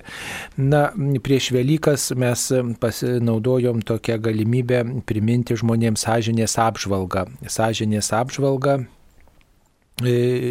pateikėme didžiąją savaitę, kad žmonės, kurie dar netliko išpažinties, galėtų pasiruošti ir atlikti išpažinti, beldėm tokiu būdu į žmonių sąžinę, kad žmogus galėtų apmastyti savo, savo, savo gyvenimą, apmastyti savo pasirinkimus, nes taip iš patirties e, galime pasakyti, kad žmonės nelabai pasirengia išpažinčiai, turbūt nelabai pasvars paskutiniu momentu. Nu tai aš čia nepasiruošiau, čia kažką bendrai pasako, nėra tokio pasirengimo apmąstymų įvairių sričių, tai mes va įvairias sritis suminėjom, kur žmogus gali suklupti ir tada žmogui primenama ir jisai tiesiog jo sąžinė informuota yra ir jisai štai turi va atsakomybę prisiminęs vieną ar kitą nuodėmę ją išpažinti. Apie tai galima pasiskaityti, mm, skirtingos tos formos yra tų sąžinės apžvalgų arba sąžinės sąskaitų, yra maldaknygėse, yra taip pat ir Yra ir internete, galima rasti turbūt beveik kiekvienos bažnyčios internetinis puslapis vienokia ar kitokia sąžinės apžvalga turi idėjas. Tai per, prieš didžiasią šventės Marijos radijas tą sąžinės apžvalgėlę pateikia. Taip, ką paaiškinkite dėl žmonių laiminimo, kai laimina kunigas, per jį laimina pats Dievas, o jeigu laiminu tave, sako netikinti žmogus, ar tai nėra šventvagystė, ar įmanomas laiminimas nesant tikėjimu iš tiesų visada laiminama šventose mišiuose ir kiekvienos šventosios mišios užsibaigia palaiminimu arba netgi, kaip žinia, ir švenčiami kiti sakramentai ar kitos apėgos yra įprasta, kad užsibaigia laiminimu, bet taip pat e, laiminimas yra labai svarbu kai tą atlieka ne tik kunigas, bet laimina ir ne kunigai, laimina pasauliečiai vienas kitą, sakykime, šeimoje laimina tėvai savo vaikus, laimina prieš užmiegant, laimina išeinant į mokyklą, laimina tėvai išvykstant kažkur į kelionę, arba tiesiog, kad net ir sutoktiniai vienas kitą laimina. Čia viskas yra labai gražu ir labai reikalinga ir labai skatintina ir ne tik kunigas gali palaiminti e, kitą žmogų, bet ir pasauliečiai vienas kitą Na, o netikinti žmogus, žiūrint, ką jis turi minti, tas, sakykime, vis tiek ir netikinti žmogusgi taip pat tiki ir gėriu, tiki meilę, juk jis irgi nori kitam žmogui ir meilės, ir to gerumo, ir to nuoširdumo linki, ir trokšta. Ir jeigu jis tiesiog išsako tokius uh, E, žodžius gėrio, tai viskas tvarkoje. Tas e, žodis laiminti yra nuo lotyniško žodžio benedyrė, kas reiškia gerą sakyti. Tai jeigu ir netikinti žmogus sako kitam, e, kaip mes įvardyjam, netikinčiam gerą sako, tai viskas tvarkoje. Kad ir sako ir tikinčiam žmogui, net ir netikintis gali savotiškai sakyti ir laiminti ir tikinti žmogų, yra viskas gerai. Todėl tas labai svarbus dalykas, kad mes neužmirštume vieni kitiems gerą sakyti Ir, ir mes tą sakome ne tik kažkokių ypatingų švenčių progą ir linkime ir gerą sakome, bet iš tiesų, kai ir laiminame, mes tiesiog sakome įkvėpti tikėjimo vardan, prašome kad pats Dievas būtų su žmogumi, su juo. Taip, mums paskambino. Klausytoja Guoda iš Mažykių. Taip, Guoda, klauskite, jūs eteryje. Garbė Jėzų Kristų. Per amžius amen. Aš noriu, nelabai suprantu, e, kada kalbam gailestingumo vainikėlį ir tie pirmieji žodžiai, amžinasis tėvė, aukoju tau mieliausioje tavo sunaus kūną ir kraują, sielą ir dievystę. Aš suprantu, kad Dievas paukojo savo kūną ir kraują, o kaip aš galiu aukoti, nu, ko aš neturiu, kaip aš galiu paukoti amžinajam tėvui jo jo šitai sunaus kūną ir kraują, ir sielą ir devystę. Na tai čia matot, jau reikia į, į tokio ilgo aiškinimo, bet jeigu trumpai pasakytume, tai taip, kad mes taip pat dalyvaujame visuotinėje kunigystėje ir dalyvaudami visuotinėje kunigystėje nuo krikšto mes savo sunkumus, savo išbandymus jungiame su viešpaties Jėzaus kryžiumi ir, ir aukojame tėvui.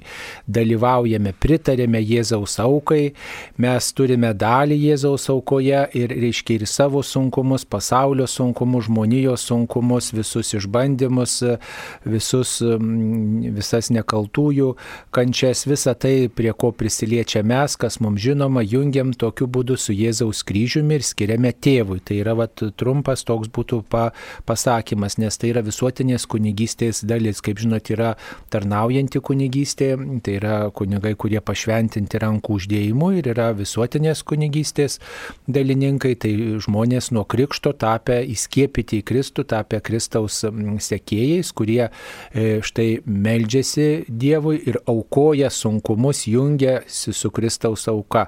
Ten, kur yra krikščionis, ten yra ir pats Kristus.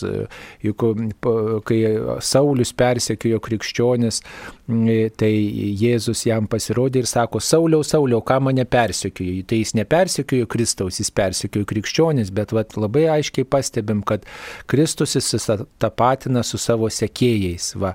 Ir čia yra ir mūsų tokia, toks, na, ir šventumo kelias, džiaugsmas ir, ir atsakomybė tam tikra, kad mes nešam Kristų pasauliu, ne tik mes kunigai, bet ir jūs, mėly klausytojai, kurie save laikote krikščionimis, nešate Kristų pasauliui.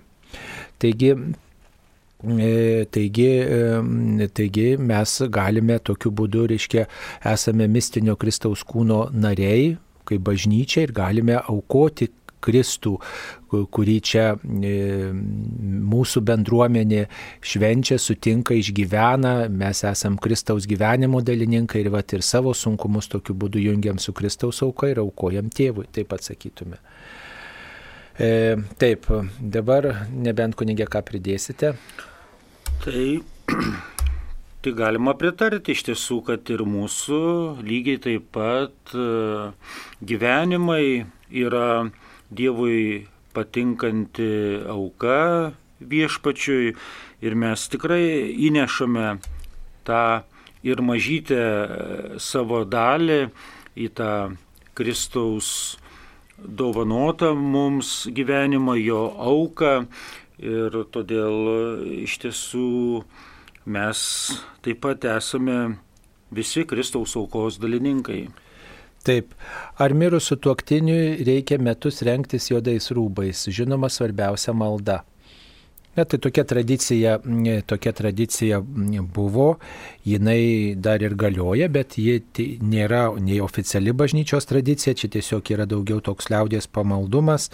Na, tai žmonės susitikę, matydami, anksčiau būdavo, jeigu vyras nešioja kokį švarką, e, tai atlape turi tokią juodą juostelę, tai reiškia, kad kažką iš savų palaidojo, tai galima pareikšti užuojautą, pasiteirauti, nu, žinoti, kad tas žmogus išgyvena gedulą vat, metus laiko. Čia tiesiog ženklas kitiems, kad aš kodėl tas žmogus yra liūdnas, kodėl tas žmogus yra nusiminęs, kodėl nedalyvauja kažkokiuose e, linksmybėse, o štai jis va, tokiu būdu išgyvena tą atsiskyrimą. Tai toksai, toksai buvo e, e, toksai buvo, reiškia, paprotys ir, ir jis tebėra.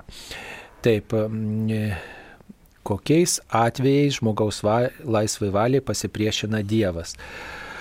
Na tai vienos taisyklės turbūt nėra. Žmogu, kartais Dievas pasipriešina tada, kai jam atrodo tinkama, o kartais, žodžiu, žmogui atrodo, kad nelaiku pasipriešina Dievas, bet kai Dievas mato, kad reikia įsikišti turbūt, ar ne, va, kai, kai per toli žmogus galbūt nueina, tai pasakysime. E, čia reikia turbūt mm, vėlgi žiūrėti, kad e, Dievas kartais leidžia, kad mes gyvenime padarom ir blogus dalykus, nepasipriešina, o kartais viešpats pasipriešina, kai mes atrodo ir gerą darom, bet vat, kažkaip viešpats nu, neleidžia tam išsipildyti. Tai čia įslėpiningo viešpaties veikimo nu, dalykai, bet e, reikia prisiminti, kad Dievą mylintiems išeina viskas į gerą. Jeigu ir pasipriešino viešpats, e, tai vadinasi, taip viešpats numatęs yra, ne, ir mes pasitikėkim Dievu, kad jis išves į gerą. O, va, o, o kartais laukiam to pasipriešinimo, nėra, viešpats nesipriešina, kad blogieji štai klesti ir, ir toliau jų neteisybės plėtojasi, bet tai nereiškia, kad viešpats miega ar kad neteisėjai blogieji laimėjo. Tai mes, kurie save laikom galbūt Kristaus sekėjais ir teisėsiais, turim kažkaip melstis už kitus žmonės ir gerą linkėti. Norėčiau daugiau sužinoti apie laimingos mirties atlaidus, kada ir kaip jie švenčiami. Tai dabar neseniai pasirodė atlaidų vadovas ir čia yra e, e toks, toksai skirelis, dvyliktas skirelis, kuriame rašoma, kunigas teikdamas sakramentus Kristaus tikinčiajam atsidūrusiam prie mirties lenkščio neturėtų praleisti ir apaštališko palaiminimo su visuotiniais atlaidais tai kai ligonių sakramentas švenčiamas esančiam e, mirties pavojuje, tokie visuotiniai atlaidai suteikiami generalinė absoliucija. Va, kuningas atleidžia nuodėmės visas, kurias tas žmogus turėjo, e, net jeigu jis jų negali išpažinti. E, jei kunigo nėra gailestingoji motina bažnyčia, vis tiek mielai suteikia tinkamai nusiteikusiam Kristaus tikinčiajam visuotinius atlaidus gaunamus mirties valandą, jeigu jis per gyvenimą nuolat kalbėdavo kokią nors maldą. E, šiuo atveju bažnyčia papildo tris įprastas sąlygas visuotiniams atlaidams gauti. Tai yra išpažintis, komunija ir malda popiežiaus intencija. E, šiems visuotiniams atlaidams pelnyti patartina turėti nukryžiuotąjį arba kryžių mm, ir šiuos atlaidus e, mirties valandai skirtus gali pelnyti ir tas Kristaus tikintysis, kuris tą pačią dieną jau yra gavęs kitus visuotinius atlaidus. Kitaip sakant, jeigu jūs visą gyvenimą meldėtės, tai jums motina bažnyčia štai mirties valandą, net jeigu ir nebus kunigo, mm, tiesiog suteikia tuos atlaidus už jūsų tokį maldingą gyvenimą. Dėl to visą gyvenimą esam kviečiami melstis, palaikyti pamaldumo, e, pamaldumo tokias praktikas įvairias. Taip, mums paskambino. Genovaitė iš Vilnius. Taip, Genovaitė, klauskite. Labą dieną. Labą dieną. Aš čia iš Vilniaus. Aš norėjau paklausti, kaip pasielgti, kad kur yra dabar Vilniui dvi kalbės e, tos mišios ir mišios būna nuo ryto iki vakaro, nuo ryto iki vakaro. Labai mažas pertraukėlis praktiškai, kaip ir nėra. Žmonės ir susigrūda, vieną žodžiu, vieni išeina, kiti jau grūdasi į viršų, į šitą į bažnyčią. Ir, ir šventoriuose būriuojasi, vieni jau nori įeiti, kiti išeiti, vieną žodžiu. Nu čia, ar, ar čia man kažkaip tai nežinau, ar čia ant sąžinės man bus, kad aš ne, ne, tada vengsiu tokių, tokių, tokių tokio lankymo. Na tai jūs pasižiūrėkite, vis tiek yra Vilniuje, ypatingai Vilnius turi labai daug bažnyčių ir galima e, pasižiūrėti tiesiog, kur yra mišios, pavyzdžiui, šeštadienio vakare, ne, jau sekmadienio iš vakarių mišios, nebus daug žmonių. Ir dalyvaukit, dalyvaukit vakare. E, dažniausiai vidudienio mišiose nebūna e, daug žmonių. Vat, tai tiesiog pasižiūrėti, vienur kiturgi galima pamaldų grafiką Ir galų gale pasiskambinkit vienos kitos parapijos kunigų ir paklauskit, kur žmonių lankymas, kokiuose mišiuose yra jūsų bažnyčiui mažesnis, norėčiau ateiti.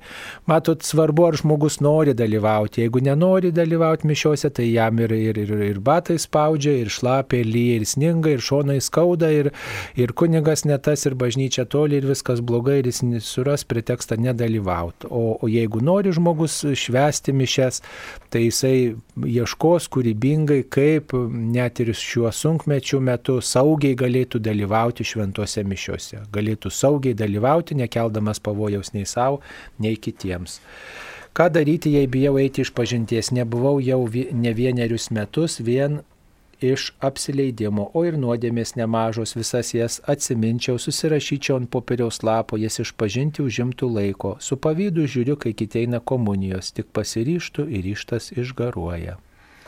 Labai geras klausimas ir e, tikrai kai ką tokie dalykai kamuoja ir atrodytų nuo ko čia pradėti, kitas net nebuvęs išpažinties ne vienerius metus, bet keliolika ar net keliasdešimt metų atrodo jau kaip ir nemažas laiko tarpas, nuo ko pradėti, kaip viską atsiminti, o ką dar kunigas pasakys, ar neišbars, ar neišvarys ir panašiai, tų klausimų kiekvieno tokio žmogaus širdyje begalė sukasi, bet iš tiesų visų pirma labai svarbu kažkaip peržengti, nepabijoti, peržengti save ir nebijoti eiti pas kunigą iš pažinties. Žinoma, na, netaikyti tokią progą, kai ten prieš mišes, kai būna ten daugiau žmonių eilutėje iš pažinčių, belaukiančių, bet kad kažkaip, na, galima ateiti mm, tokiu, sakykime, kitų laikų, kai nėra daug žmonių einančių iš pažinties, arba jeigu net galimybė E, paprašyti susitart, kad e, ar galėtų kunigas skirti daugiau laiko išpažinčiai, nes jis gal senokai buvęs, o norėtų ne tik ir išpažinčiai, bet ir pokalbiai su kunigu, kas gali užtrukti ne penkias ar dešimt minučių, gali ir pusvalandį, ir valandą toks dalykas užtrukti, tai labai normalu ir natūralu. Ir žinoma, apgalvojant, apžvelgiant savo praeitį, nebūtina ten, sakyčiau, labai taip smulkiai viską susirašinėti ant popieriaus lapo, tiesiog pasimti e, sąžinės e, sąskaitos apžvalgą, pasiskaityti, e, peržvelgti Dievo bažnyčios įsakymus, na ir, ir pasižiūrėti ten, kur yra suklysta ten, kur nebuvom ištikimi Dievui, bažnyčiai, artimui.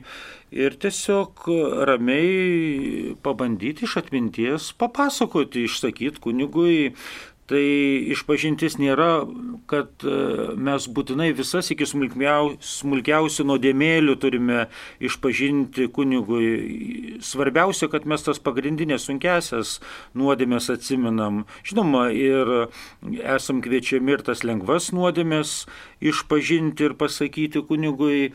Todėl visų pirma, tikrai nepabijoti. Kunigas nėra klausykloje teisėjas Kunigas yra laukiantis kaip gailestingas tėvas. Ir jūs žinot, e, tai, kai žmogus atsiprašo, išpažįsta ne tik, kad kunigas negali netleisti, net pats Dievas visagalis negali žmogui netleisti, jeigu jis nuoširdžiai išpažįsta, gailisi, atsiprašo ir taisosi. Todėl vat, būtent ta mintis tegul jūs skatina, kad Dievas jūsų laukia, kad jūs esat jam svarbus asmuo. Ir žinoma, visuomet galima pasirinkti ir kuniga, kuris gal galėtų labiau išklausyti, jums skirti laiko, o tai, kad radusi jėgų savyje nueiti ir išpažinti tas nuodėmės, nebejotinai rasite palengvėjimą, dvasios nuskaidrinimą ir tai jūs tikrai mm, toliau, jums toliau leis gyventi tą Dievo malonės palaimintą gyvenimą ir jūs galėsite tikrai su džiaugsmu priimti Euharistiją ir tada tikrai nebijoti, kad, na, iš tiesų kažkaip, kad Dievas toks yra baudžiantis, kad tas, kuris atrodo tik ir laukia, kaip žmogų nubausti, tikrai ne, jis visuomet laukiantis mūsų atsiprašančių, besigailinčių, besigrėžiančių į Dievą ir tikrai sekančių juo. Taip, kuri Evangelija tiksliausiai, kada parašytas senasis raštas. Tai e, ne senasis raštas, bet gal norėjot klausti senasis testamentas. Tai apskritai Biblija yra daugybė knygų, E, ne vien, yra bent kelios dešimtis, 72 knygos yra, Senasis ir Naujasis testamentas ir mm, nėra vieno laikotarpio, kada jis būtų parašytas. Tai maždaug nuo 1200 e, metų prieš Kristų iki šimtas metų po Kristaus, maždaug toks laikotarpis yra, kada tas šventasis raštas buvo rašomas, įrašė daugiau negu 40 40 autorių, tai, e, tai nėra to, tos vienos datos tokios, kurie Evangelija tiksliausia, tai gal toks apibūdinimas nebūtų teisingas. E, vienos Evangelijos e, atkreipia dėmesį į vienus dalykus, kitos į kitus, vieni evangelistai naudojasi kitų parašytais tekstais, yra sinoptinės Evangelijos, Matas, Morkus ir Lukas, Jonas kit, yra truputį kitaip aptarė Jėzaus gyvenimo istoriją, tai e, ta seniausiai parašytoji yra pagal, Evangelija pagal Morkų, e, va, ir, ir vienos detalės yra vienur, kitos kitur, tai čia visumą reikia turbūt žiūrėti. Taip, Senajame testamente skaičiuojamos dienos, kaip jos skaičiuojamos. Dievas sukūrė šviesą ir parašyta, atėjo vakaras iš aušurytas, pirmoji diena, argi pirmoji diena nesibaigė. Na tai nereikėtų turbūt taip jau mm, imti pažodžiui, ypač pradžios knygos, apskritai e, penkia knygė visa ne, net, netraktuotina pažodžiui, yra tokia truputį gilesnė prasme, tai yra būdas pasakyti, kad šitas savaitės ritmas, kurį mes mes turime, yra Dievo norėtas, Dievo sukurtas, Dievas tuo pasirūpino ir tai labai paprastai žodžiais tai yra nusakyta. Va, ir kad Dievas yra dienos autorius, jis sukūrė dieną, sukūrė naktį, atskyrė šviesą nuo tamsos, tokiu būdu tai, tai ir išreikšta mums suprantamu labai paprastu tokiu apibūdinimu. Ir iš tiesų Senasis testamentas, va, ypač ta pradžios knyga, kai pasakoja apie pasaulio sukūrimą, apie žmogaus sukūrimą, tai nėra teksto perteikimas, kad e, noras pasakyti, kaip Dievas sukūrė, kokiu būdu, kokią techniką naudojo, kurdamas pasaulį. Net tai yra e, svarbiausia, o būtent, kad Dievas iš savo visagalybės sukūrė, kad jis iš meilės, norėdamas pasidalinti su žmogumi savo gėriu, savo meilę, kad jis sukūrė. Tai vad per tokį žvilgsnį reiktų žiūrėti į Senąjį testamentą ir aplamai į Bibliją. Tai nėra kažkoks tai, e, reiškia, mokslo vadovėlis, kuris e, prieštarauja mokslui, atradimams ar panašiai, bet būtent tai yra tikėjimo knyga, tai yra tai, kad Dievas kuria pasaulį, kuria žmogų ir dalinasi su juo savojų buvimu. Taip mums paskambino. Irena iš Vilnius. Taip, Irena, klauskite, jūs girdi visą Lietuvą.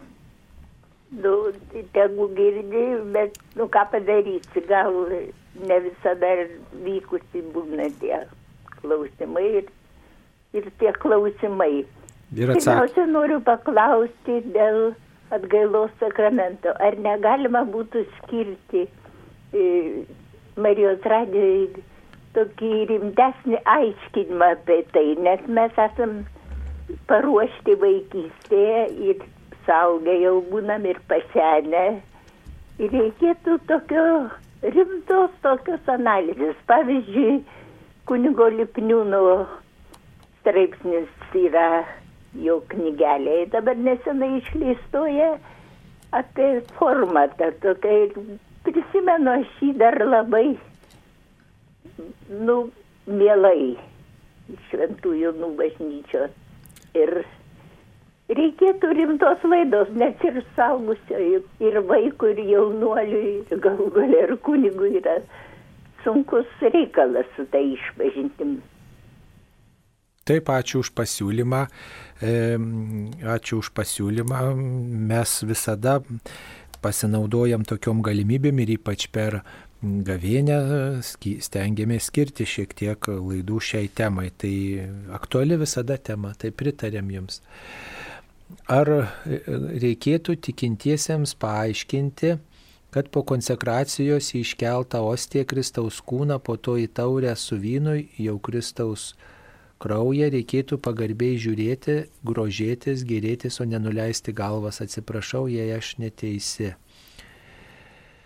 E, na tai matot, skirtingais turbūt laikotarpiais buvo akcentuojami skirtingi dalykai. Mm, dar teko dalyvauti kai kuriuose vietovėse šventose mišiuose mm, švesti kartu su kunigu ir atlaiduose, kai žmonės garsiai pagarbindavo viešpatį, sako, mano viešpats ir mano dievas, kai kunigas iškelia ostiją, garsiai visą bažnyčią. Tai čia e, buvo taip pat ir rekomenduojama nuleisti galvą, tokiu būdu reiškia tą nuolankumą prieš viešpaties pasiaukojančią meilę, prieš jį patį nulenkti kiti, akcentuoja žvelkite į viešpatį, kuris čia yra ant kryžiaus kabo, e, kuris, kurio mirtis ir prisikėlimas yra čia švenčiami, žvelkite į taurę, žvelkite į ostiją. Turbūt e, įvairūs būdai yra geri, svarbu, kaip toj bendruomenė yra įprasta daryti ir svarbu dar atsižvelgti į jūsų vidinę, vidinę nusistatymą. Aš pavyzdžiui, būdamas e, tokioje va bažnyčioje, kur visi sako, mano viešpats, mano Dievas, noriu kartu su jais tą pasakyti, nes aš e, branginu va tą žmonių tikėjimą tokį, va toj bendruomenėje taip žmonės išmokyti kažkada buvusio ten klebono, negalvoti apie ką kitą, bet va tokiais būdais, tokiu būdu su tikėjimu viešpati pagarbinti. O kitur būdamas kitą priimu tą, tą būdą, kaip pagerbti viešpati. Tai Tiesiog reikia turbūt būti lankstiems, būdėti ir, ir tada tas mūsų tikėjimo gyvumas atsiskleis, kad mes įsiklausom į kitą žmogų. Tikėjimas ne tik, tik Dievas ir viskas, bet aš Dievą atpažįstu ir kitame, ką mes labai dažnai pamirštam, mėly mano. Ir, ir vakartais ir tuose klausimuose, mūsų laidose tas atsispindi, kad reiškia mes Dievą tai jau čia gerbiam, bet jau kitą žmogų tai norim į miltų sumalti ir kitas žmogus, jeigu ne, negyvena ir nekalba, kalba taip, kaip man atrodo tinkama. Tai kitas žmogus yra pagal Dievo paveikslą ir panašumą sukurtas ir mes e, būsim teisiami ne tik tai, kiek Dievu tikim, bet kiek pagal tą tikėjimą gyvenamo tikėjimo ir yra patarimas e, mylėti, mylėti, mėly mano. Kunigė dar ką pridėsit gal? Iš tiesų tos e, tradicijos, kaip mes tą ypatingą momentą mišių metu perkeitimą išgyvenam, atspindim labai skirtingus pagal bendruomenės, pagal tradicijas. Žinoma, pas mus pakilėjimo metu įprasta atsiklaupti ir, aišku, žvelgti jo iškeliamą ostiją, taurę, pagarbinti, sakykime, Prancūzijoje dalyvaudama Euharistijoje šventose mišiuose, ten nesiklaupiama, būtent kaip tik stovi žmonės, žvelgia ir, žinoma, irgi mintise viduje šlovina, garbina viešpati, ateinanti ant altoriaus, pasiliekanti, einanti žmonės. Ir žinoma, svarbus gal dalykas mūsų atrodytų, kaip mes atrodom, kaip dalyvaujam fiziniu būdu šventose mišiuose, bet dar svarbiau mūsų širdies atkreipimas ir žvilgsnis į Dievą, kad mes jį iš tiesų išgyventume ir šlovintume, garbintume ne tik sakramentuose, bet jį išneštume, atspindėtume ir po Euharistijos šventimo, kad mišios tęstusi ir mūsų gyvenime. Meldžiuosi už netikinčių atsivertimą, bet ar čia nėra pažeidimas jų pasirinkimo teisės? Kita vertus tik Dievas žino kaip geriau. Nėra jų pasirinkimo teisės pažeidimas, nes mes jų netvertinėjame, mes tik melžiamės už juos, užtariam, stovim šalia jų Dievo akivaizdoje ir galbūt, na, brolystę, artimo meilę parodome. Tai, tai čia jau jų jų ir Dievo reikalas, bet mes linkim to, gėrio taip, kaip mes jį suprantam. Mes neprimetam jiem to gėrio, bet linkim, trokštam, kad jie pasirinktų laisvą valią. Kodėl nutylim apie skiepų neigiamą poveikį, juk jie veikia imunitetą ir DNR, tai labai rimta, kur garantijos, kad žmogus išliks sveikas vėliau. Mm, tai aišku, kad jokių garantijų nėra, bet tai yra mm, kol kas pripažinta kaip na, dabar vienintelė priemonė šiais laikais, kad, kad išliktume, kad išliktume, kad neplistų tas koronavirusas ir skiepai, kad ir kokie jie būtų e, netobuli, kad ir kokie būtų jie dėl jų diskutuojama, kol kas vienintelis būdas suvaldyti šitą pandemiją. Tai, tai specialistai, žodžiu, apie tai turi pasisakyti, jeigu jie žino, kad veikia DNR, imunitetą ir neigiamą poveikį, bet tas neigiamas poveikis nėra toks didelis, dėl kurio reikėtų skiepų, skiepus atmesti, bent jau taip specialistai rekomenduoja. Taip, kada Lietuvos viskupai ir kunigai prisipažins imuniteto tarnybą dėl savo bendradarbiavimo sovietiniai KGB Lenkijoje prisipažino ir buvo apie 40 procentų užverbuotų kunigų mūsiškiai, kada prisipažins. Nu, tai nežinom, kada kas prisipažins čia tų, kurie bendradarbiavo reikėtų klausti. Taigi, Jeigu 12 paštalų sėdės šalia Kristaus, tai ir Judas bus su jais. Nežinom, ar bus Judas su jais, ar nebus. Yra mintis, kad Jėzus išsirinko 12 paštalų ir E, mintis tokia, kad į judo vietą buvo išrinktas kitas apaštalas, e, taip jau apaštalai sutarė, kad kas vaikščiojo su jais vieto judo, kas ten konkrečiai e, sėdė šalia Kristaus, nueisim ir pamatysim. Mums netai svarbu, mums svarbu, kad viešpats nepalieka e, savo bažnyčios, nepalieka savo ištikimųjų ir kad viešpats kviečia vis dėlto nepasirinkti išdavystės kelių. Va. O, o nueisim į dangų ir pamatysim, dėl to reikia norėti keliauti e, pas viešpati į dangų. Taip. Mm, dar kelios žinutės. Mm, ar bus transliuojama per Marijos radijo kunigo Kelaičio mistagoginė kelionė nauji įrašai. Na, matot, kunigo Algio Kelaičio mistagoginė kelionė tai yra tam dienai skirtos Evangelijos apmąstymai. Tai jeigu gausim kunigo Algio Kelaičio leidimą ir kokybiškus įrašus, galbūt ateityje ir transliuosime. Ką galėtumėt pasakyti apie kunigo Martin iš Amerikos paskaitą Vilniaus universitete ar kviečiant lektorius kunigai turi suderinti ir gauti viskupų leidimą? Na tai, kiek žinau, kuniga James Martin e, e, pakvietė, e, tai čia jezuitai, tai jezuitai turbūt su savo vyresnybė šitą ir derina. Ką galėtume pasakyti apie tą paskaitą? Mm, na tai nėra oficialus bažnyčios mokymas, jo paskaitose išreikštos mintis, mm, tai yra tiesiog svarstymai, tokie mm, bandymai ieškoti dialogo. Aišku, ne visada mes galime pritarti ne visiems teiginiams, bet verta svarstyti ir apie mūsų kalbėjimo būdą, ir apie tai, kaip mes laikomės bažnyčios mokymo. Ar mes norim keisti bažnyčios mokymą, ar norim atmesti bažnyčios mokymą, švento rašto mokymą, tiesiog duoda įvairių minčių apie tai, kaip mes laikomės Jėzaus mokymo. Taip, dabar na, daugiau mes žinučių neturime ir mūsų laikas išseko. Ačiū kunigui Simui Maksvyčiui, kuris yra šventųjų apaštalų Petro ir Povilo bažnyčios e, kunigas, panevežyje darbuojasi, jis atvyko į šią laidą, ačiū, kad skyrėte laiko. Prie mikrofono taip pat buvau ir aš, kunigas Saulis Bužauskas, viešpats te laimina jūs, tegul teikia jums sveikatą ir savo pagalbą. Būkite palaiminti sudė. Sudė.